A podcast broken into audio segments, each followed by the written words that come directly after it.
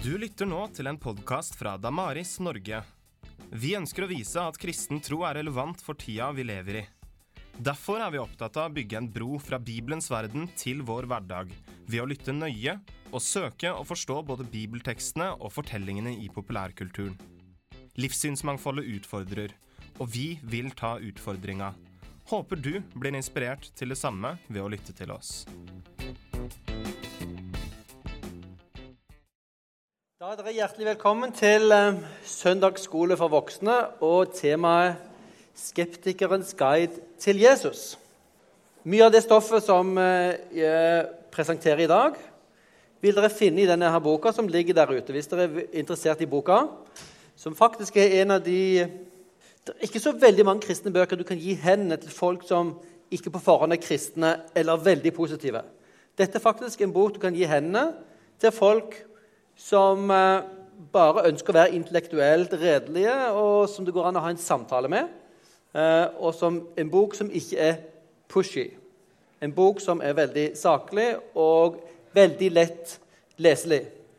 23 kapitler på eh, under 200 sider. Det sier at dette er faktisk godt leselig for også dagens nettmennesker som skal ha det kort.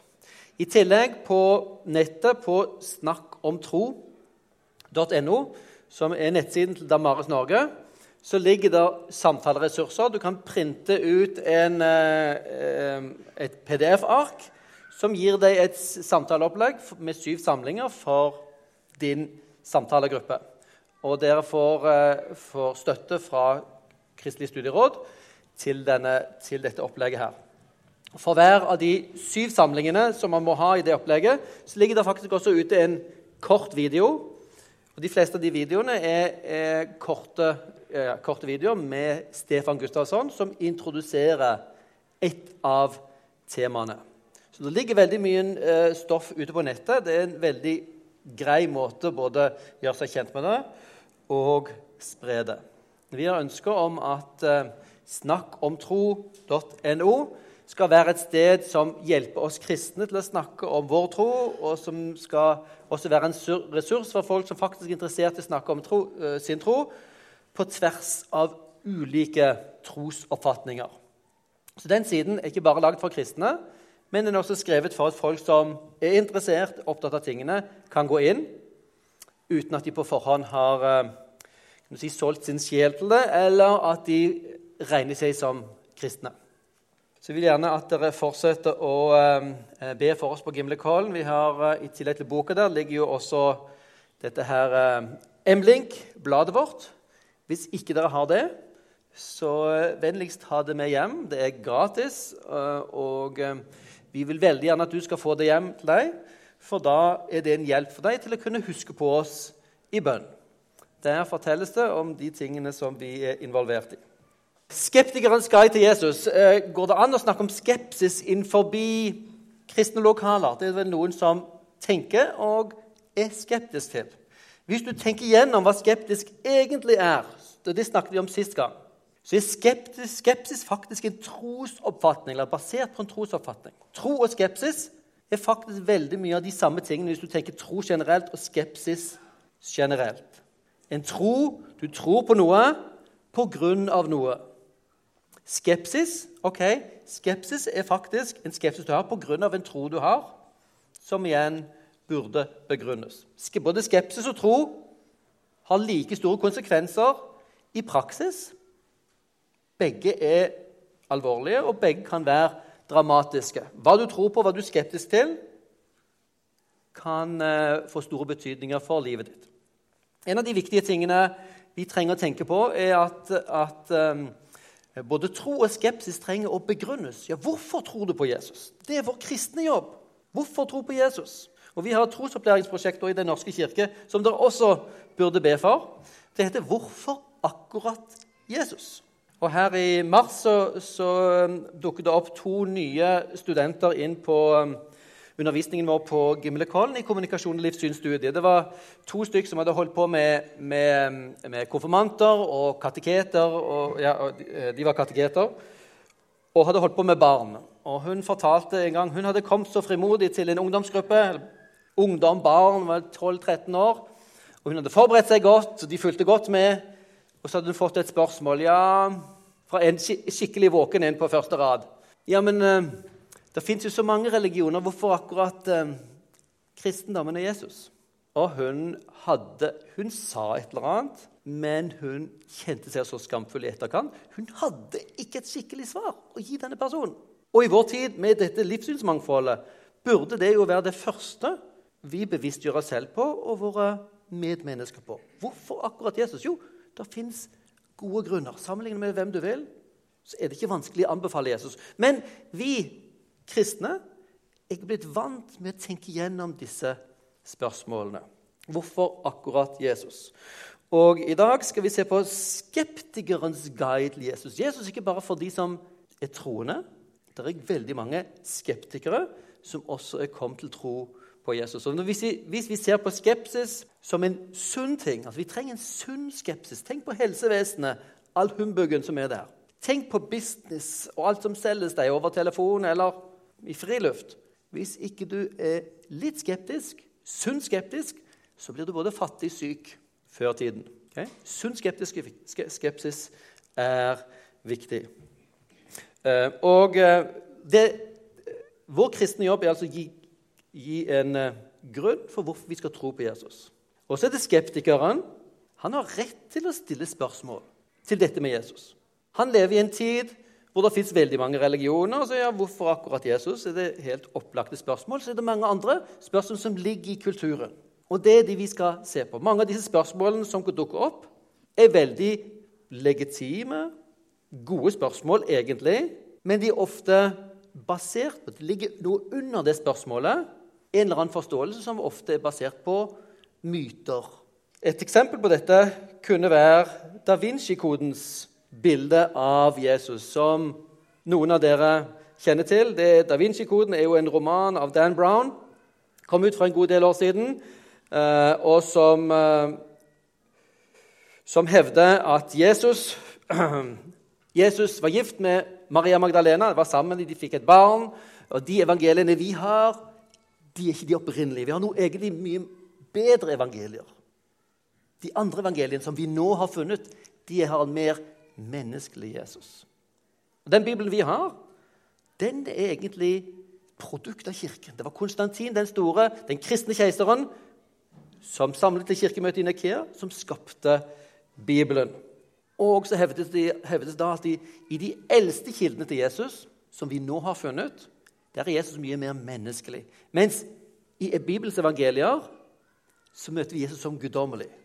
Og det bare jo viser jo at dette her er et produkt av lang, lang tids myteskaping. Det som var interessant, at når denne filmen og boka kom i 2000, eh, vel, filmen som kom i 2005, muligens, litt usikker, ehm, så var det veldig mange intellektuelle som gikk rett på limpinn. Dette er research i mesterklasse.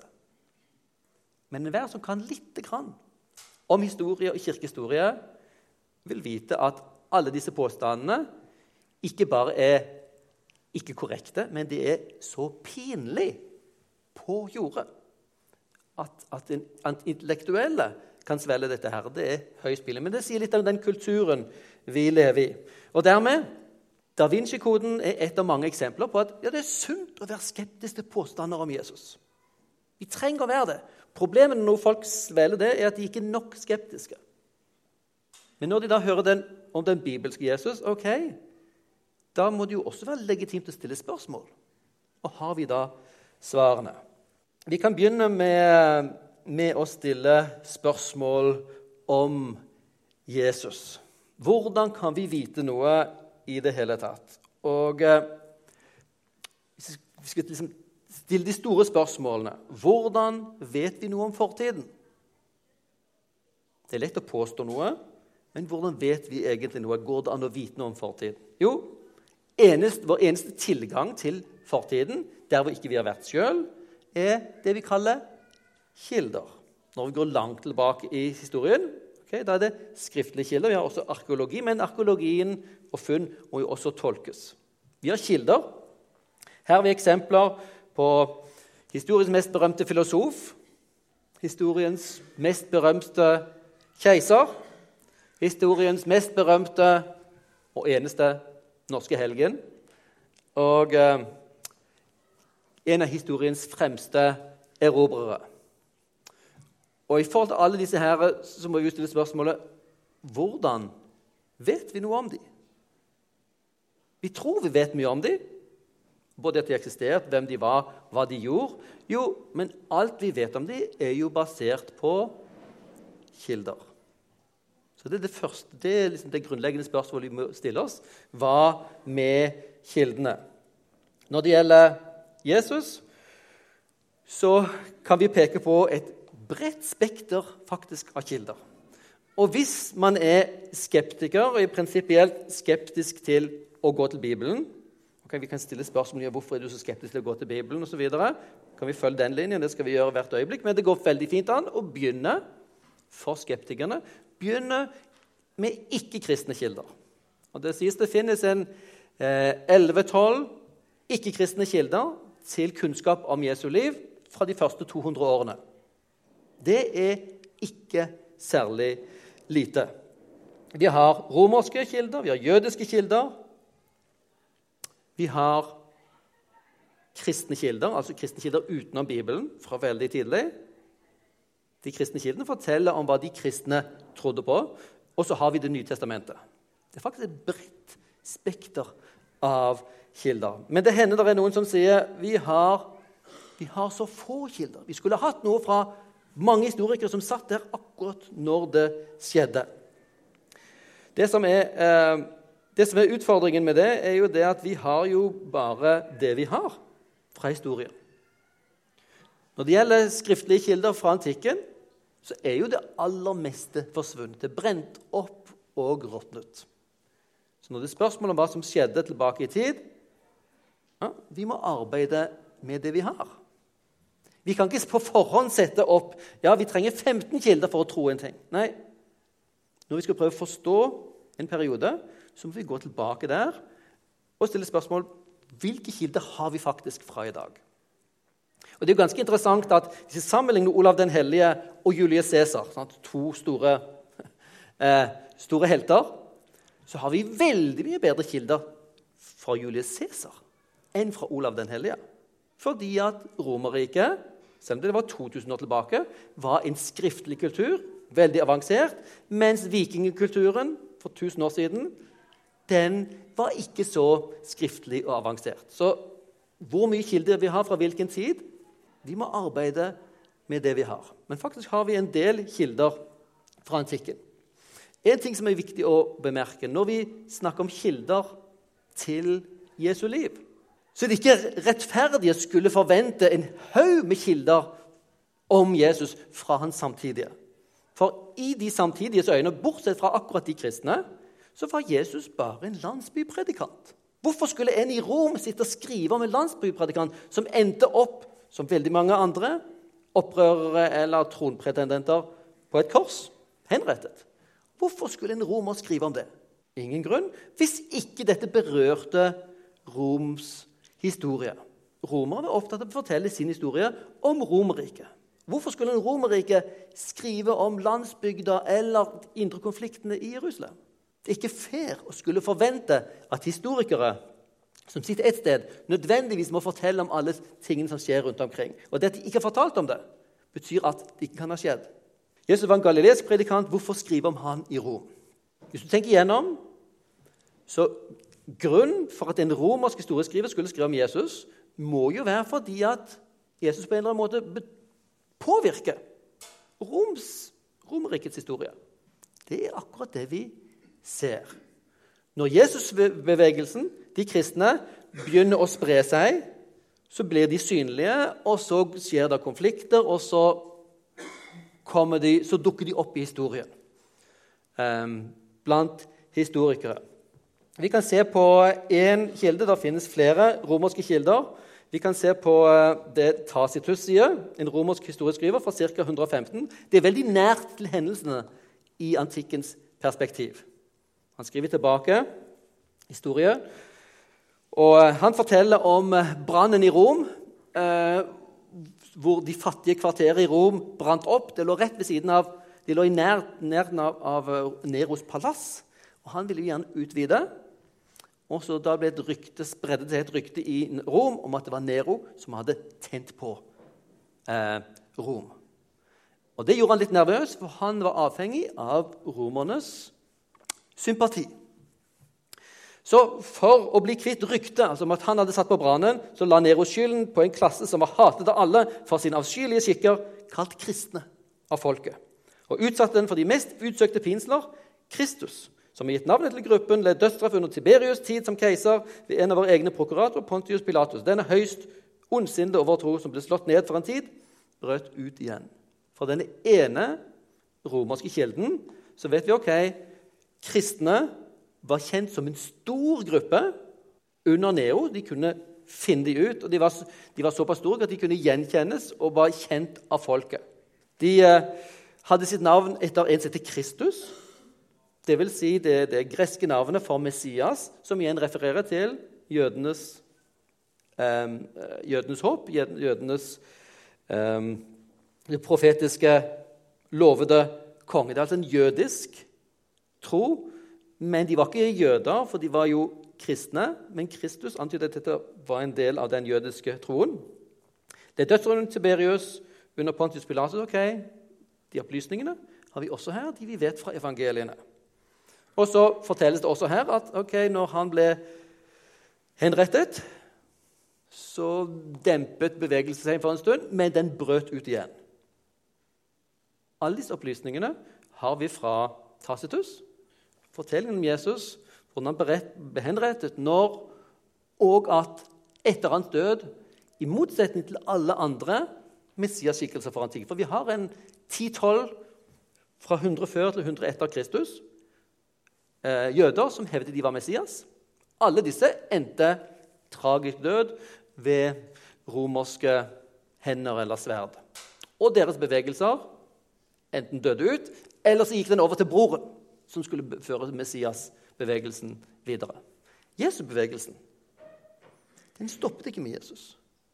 Men de som hadde sett Jesus bli korsfestet, hevdet at han som hang på korset, ble ydmyket, hang naken på korset, ble ydmyket av Romerriket.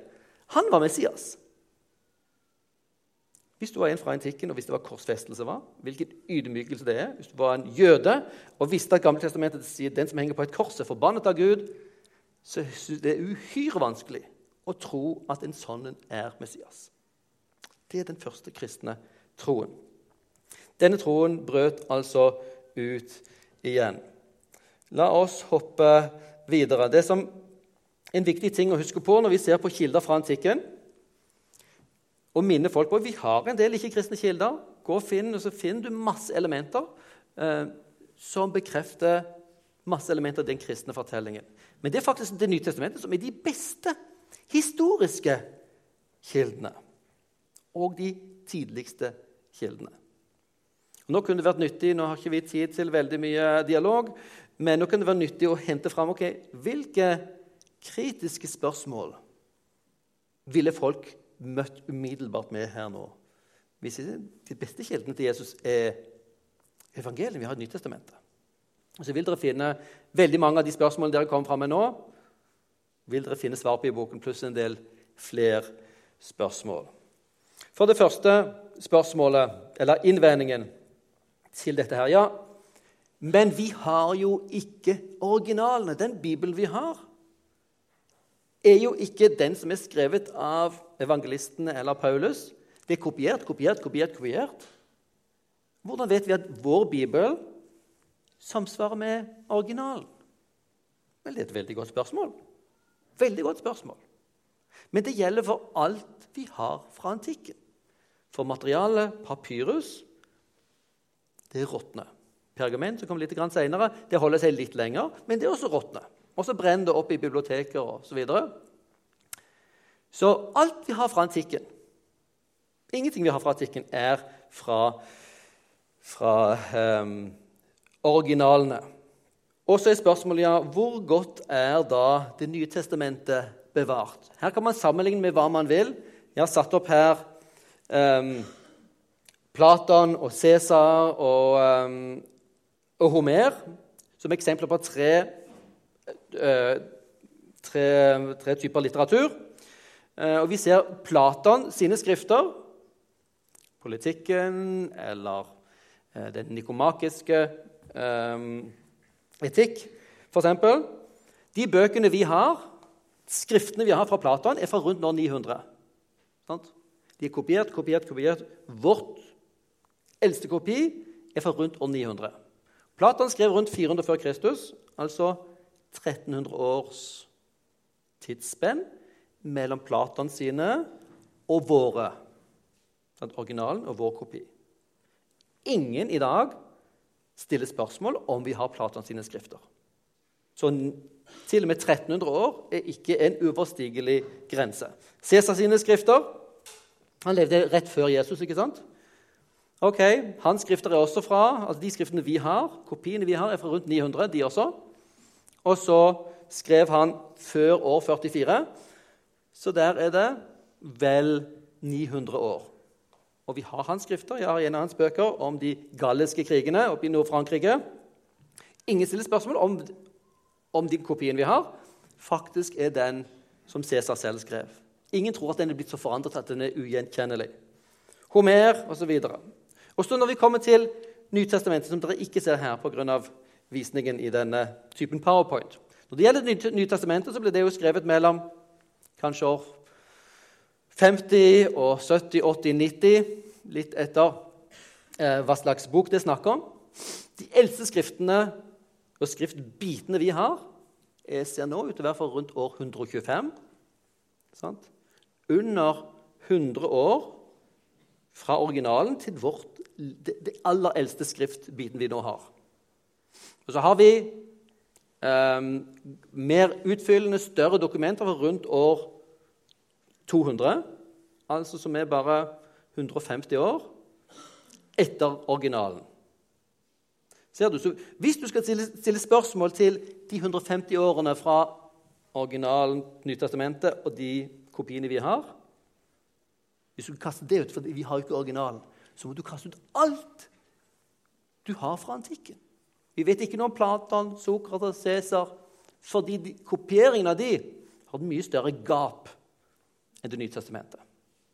Det at vi ikke har originalene, er ikke et problem for for å kunne stole på Nytestamentet. Faktisk er det slik som en som heter Kenyon, um, hevder, er bibliotekar i, um, i um, hva heter han for noe? Bibliotekar i British Museum, som er et av de fremste museene i, i verden. Han var bibliotekar der, han var spesialist på papyrusfragmenter. Han skriver i 1948, altså en god stund siden, at eh, intervallet mellom, mellom eh, originalskriftene og de tidligste dokumentene vi har, er så liten når det gjelder Nytestamentet, at den er helt ikke til å, å regne med. Det er helt ubetydelig. Og Den siste grunnlaget for noen som helst tvil om at skriftene vi har, har kommet ned til oss som de blir skrevet, kan nå ses på som har blitt, og har blitt fjernet. Både autentisiteten og integriteten til Nytestamentets bøker kan ses på nå som endelig etablert, endelig på plass. Det er ingen faglig grunn ut fra manuskriptene å tvile på at Nytestamentet er overlevert slik vi har de.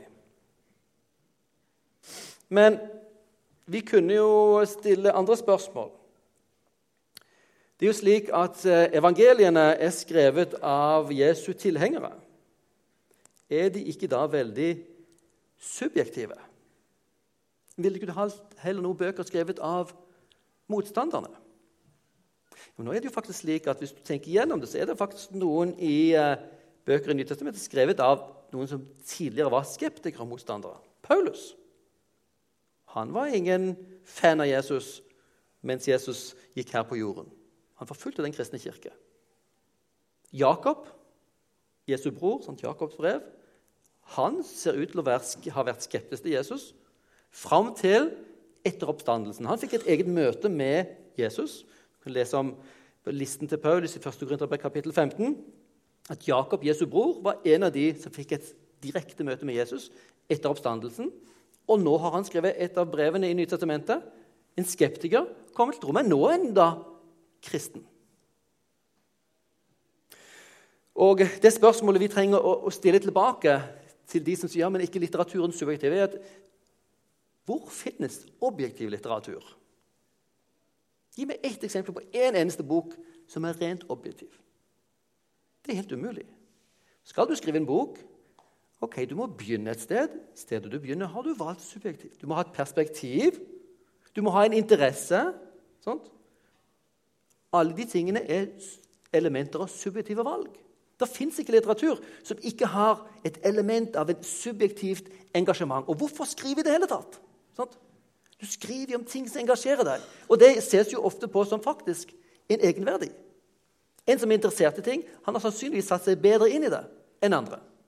Det fins i hvert fall en mulighet for det.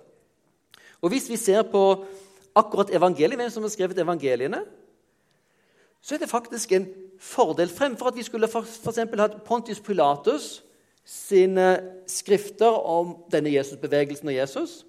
Det kunne være interessant. Og Ifølge Justin Martyr, som ble martyr rundt 150 etter Jesus, så var det skrifter i Rom, dokumenter fra, fra, i Rom hvor Pontius Pilatus sine skrifter, eller hva han hadde gjort, lå, lå tilgjengelig. Men hvor godt kunne Pilatus ha kjent Jesus? Han måtte ha hørt med folk, de skriftlærde, med kanskje noen kristne. Men faktisk, hvis du tenker etter, de som har best grunnlag for å kunne si noe om Jesus, er ikke det de som kjente han.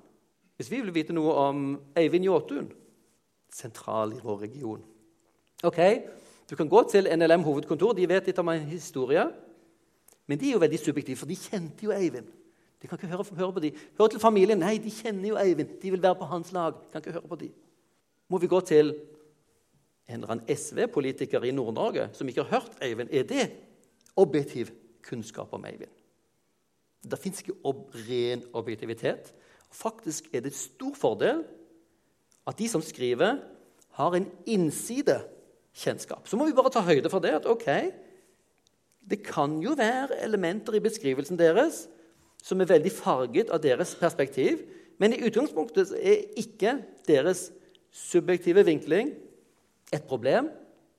Det er faktisk en ressurs. Vi får et innblikk i hvordan de første kristne oppfattet Jesus, noen av de som levde med Jesus. Og når vi har evangeliet i Nytestamentet, så regner vi jo med at Matteus er jo en av apostlene.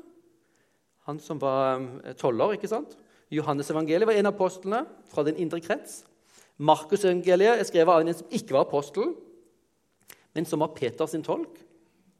Alle disse kommer fra den indre kretsen. Lukas, ikke skrevet av en apostel, men som kjente Paulus, og som sier at han hadde reist rundt med Paulus og han hadde sjekket opplysningene. Og kjente den kristne bevegelsen fra innsiden, for han selv var kristen. Så vi har faktisk ligget veldig godt an. Men så kan vi stille spørsmålet Jeg tror vi raser litt framover her. Det er mange, mange ulike typer uh, spørsmål, og hvis jeg bare tar og nærmer meg en slags uh, avslutning så Her ser dere det er mange typer spørsmål som kan stilles. Og det som er interessant er at Denne boken den oppsummerer de siste 30 år med forskning. Sant? Den forskningen som er kommet siden både Stefan Gustavsson og jeg teolo studerte teologi sant, på 80-tallet. Så det skjedd veldig mye som gir oss kristne kjempestor frimodighet i å presentere Jesus for folk. På min tid på Menighetsfakultetet så sa man fortsatt at ja, evangeliene ja, Vi vet ikke hva slags type litteratur det er. Det, er liksom en, det liksom, ikke, ligner ikke på noe annet i antikken. Så det kan ikke plasseres noe spesielt sted. Det er liksom fortellinger, kanskje menighetens fortellinger om Jesus. Nå er forskningen blitt enige om at det nærmeste som evangeliene eh, ligner på, er det vi kaller biografier. Biografier er ikke menighetsdokumenter, men det er fortellinger om en persons liv, gjerne med et eller annet spesielt perspektiv og mange eksempler fra livet. Dette er biografien, den antikke biografiens sjanger. Og jeg leste det som biografi. Dette er ikke først og fremst et religiøst dokument. Det er faktisk et par elementer her som gjør at evangeliene er spesielt troverdige. For det første sirkulerte de mens øyenvitner levde. Hvis vi regner evangeliene beskrevet mellom 50, 60, 70, 80, så er det godt innenfor den tiden hvor øyenvitner levde. Og vi vet at eh, mange rundt den eh, Jesusbevegelsen var uhyre skeptiske til både Jesus Han døde på et kors. Sant? Han hadde masse fiender. Maktapparatet i Jerusalem var mot de kristne. De ville forsøke å punktere denne bevegelsen hvis de kunne hatt en anledning. Det at disse her dokumentene eh, ble spredt og skrevet mens øyenvitnene levde, og hvor du da skriver til og med at Josef fra Arimathea sin grav var den som ble gitt til Jesus. Ok, stopp, han, Josef fra Arimathea han er jo med i vårt storting, ville jødene si. Han er med, med de, i, i Det høye råd. Du kan ikke slippe unna med en sånn løgn når folk, eh, folk fortsatt levde. De er skrevet eh, De blir til i et fiendtlig miljø. Bøkene gir kunnskap om geografi og kultur. Det er ofte ting som ikke vi merker når vi leser Bibelen, for vi leser noe som er byggelig for oss. Men hvis du hadde blikket om Jesus' bevegelser osv. Vi sa jo det som en selv, så gikk han opp til Ganesaret osv. Men hvis ikke du vet hvordan det landet er, så er det kjempevanskelig. Hva er opp, og hva er ned? Hvilke byer ligger rundt Genesaretsjøen? Hvilke typer grupper kranglet i Jerusalem? Hvordan kan du vite det? Hvordan kan du vite navnene og titlene på landshøvdingene? Det var et virvar av ulike titler. Lukas er spesielt berømt blant historikere for å ha utrolig presis informasjon. Dette kan ikke bare være oppspinn. Evangeliets troverdighet eh, også, kan også ses i valget av navn. Og Da vil jeg dele med dere eh, fra en bok som heter eh, 'Jesus and the Eyewitnesses'. Ny forskning basert på observasjon av navn i Bibelen. Ok, Navn er noe av det vrieneste å huske. Er dere ikke enig i det? Det fins ingen logikk, ingen sammenheng mellom et navn og en person. At jeg heter Bjørn, ok, det er litt vanskelig å se det på meg. Det finnes, sånn, Du må lage et indre bilde av deg, av meg. ikke sant? Teddy, ok, husker du det igjen? Og så humrer du litt. Du må lage et bilde. Navn er vanskelig å huske. Og faktisk er det vanskelig å gjette hvilke navn er de mest populære i vår tid. Du gir barnet ditt et spesielt navn som ingen andre har. Kommer du til barnehagen, så er det tre andre som også heter Elias eller sånt. Jeg syns ungdommen her i de unge familiene er veldig flinke til å finne på kreative navn. Og til og med sterkt bibelske navn. Det viser seg at faktisk er det en del andre som velger de navnene som vi tror er sjeldne. Hvordan vite hvilke navn som er populære til hvilken tid. Til og med i ditt eget land har du problemer. I Det nye testamentet, eller jeg mener i, i antikken Hvis du var i Egypt, så var dette de fem vanligste navnene. Eh, vi kjenner til Lasarus ikke sant, fra Bibelen. Har dere hørt om Sabbataios? Nei. Men hadde du bodd i Egypt, hadde du kjent ganske sikkert en som heter Sabbataios. Det er seks, andre vanligste navnet. Josef kjenner vi fra Bibelen. Tredje vanligste. Det var også vanlig i Egypt. Disteus, fjerde vanligste. Pappus har vi heller ikke hørt om. Ok. Når vi ser på, Dette er en forskning som er gjort. og det er den typen forskning. Det er en, en, en tjukk bok som vil være god å, liksom, eh, å sitte høyt på eller eh, presse blomster i, eller sovne til. Vi kjenner til rundt 3000 navn fra antikken. Og det er samlet fra ossuari, altså beinbokser, hvor, hvor navn på jøder er skrevet. Fra forskjellige områder, for alle typer skrifter vi har fra antikken. Rundt 3000 navn. Og da er det slik at Navnebruken i Israel, i Alexandria, i Efesus, i, i Babylon, Mesopotamia, er ulik. Hva finner vi når vi går til Det nye testamentet? I forhold til det nå da arkeologer og historikere har funnet hva er de vanlige navnene. Jo, du ser et veldig interessant fenomen som vi ser bl.a. i listen av evangeliene, av, av apostlene i evangeliene.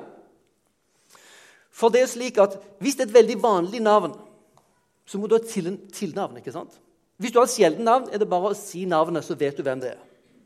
Du, du ser et mønster i Det nye testamentet på de som har vanlige navn i Israel på den tiden. De får et tilnavn, forklaring. Sånn som Simon, det vanligste navnet blant jøder på Jesu tid. Som kalles Peter. Du må forklare hvem Simon er. Det var jo en annen apostel faktisk også som heter det. Så hans bror Andreas ok, Andreas er et veldig sjeldent navn. Det er nummer 100 i rekken. Du trenger ikke mer forklaring på det. Nå plasseres han etter Peter, så det forklares for så vidt i seg selv. Jakob ok, det er nummer 11 på listen. Det er ganske vanlig. Du må si hvilken Jakob. Vi kjenner Jesu bror Jakob også. ikke sant? Jakob, sønn av Sebedøs. Og hans bror Johannes. ok? Hvilken Johannes? Vi skal halshugge Johannes. Ja, men du må vite hvilken Johannes. Er det døperen Johannes? Er det, sant? Du må forklares. Sønn av Sebedeus, og da plasseres også Johannes der. Philip Philip er et sjeldent navn. Du trenger ikke forklare hvem Philip er. Bartolomeus sjelden. Thomas sjelden. Matteus tolleren. Å, hvilken Matteus? Jo, tolleren Matteus, fordi han er nummer ni. Jakob 11, sønn av Alfeus. Jo, han må du forklare. Alfeus. Tadeus, nummer 39, litt langt nede. Trenger ikke forklaring. Simon må forklares. Nummer 1. Judas må forklares. Her ser han et mønster. Han, uh, Richard Walker heter han. Uh, som er helt oppsiktsvekkende. Dette, dette, beviser jo ikke at Nytestamentet er sannheten. Men det som, det som i hvert fall er konklusjonen her, er at Det nye testamentet kan ikke bare være konstruert i ettertid. Og vi tror jo, eh, Så langt som vi vet, så er jo ingen evangelier skrevet i Jerusalem, i Israel. Sannsynligvis er noen skrevet i Rom, Efesus osv., hvor, eh, hvor apostlene endte opp. Men hvis de var skrevet der, og så fikk det riktig Det som er det vanskeligste å gjette, hvilke var de vanligste navnene? Hvis du skulle gjette hva de vanligste navnene i sør i Polen var Du hadde ikke hatt sjanse å skulle lage en fortelling som var historisk riktig. Dette sier oss at disse evangeliene må faktisk ha hatt kontakt med øyenvitner, folk som levde der, og som bare visste hva vanlige navn ikke var. Eller de, de, visste hvordan folk ble betegnet. Og dette er faktisk bevart i evangeliene. Dette er et argument for at disse evangeliene må stamme fra øyenvitner. Eh, er du en skeptiker? Ja. Undersøk. Gjør det ordentlig. Her er det bilde av en eh, fem, seks, sju, fem stykk som var skeptikere og ateister og hadde ikke noe interesse av kristen tro, men som undersøkte kritisk. Og for å være intellektuelt redelige så kom de til konklusjonen Jesus, disse, disse evangeliene er historisk pålitelige. Jesus må ha stått opp for de døde. Ok, Da får jeg ta konsekvensen av det og også bli kristen. Det går an å bli kristen og være skeptiker uten å kaste vekk eh, all kritisk tenkning. De kommet til tro gjennom å være kritisk nok. Og Poenget er at både vår tro og vår skepsis trenger å være begrunnet. Hvis noen da har noen spørsmål, så får vi ta det i etterkant, for nå har vi brukt opp tiden vår. Takk at dere kom. Og så vil jeg gjerne at dere vurderer å ha med dere den boken 'Skeptikerens guide'. Bare skriv dere på her. Det kan være interessant å lese i, og det er en av bøkene dere faktisk kan dele med dere når folk er skeptiske. Ja, er du skeptisk? Ja, men så flott, da. Her har din integritet noe å tygge på. Dette forskningen på Jesus de siste 30 år. Okay. Takk for nå, og vel hjem. Ha en velsignet søndag. Takk for at du lyttet til denne podkasten fra Damaris Norge. Du finner flere ressurser fra Damaris på snakkomtro.no, kulturvindu.no og konfirmantonline.no.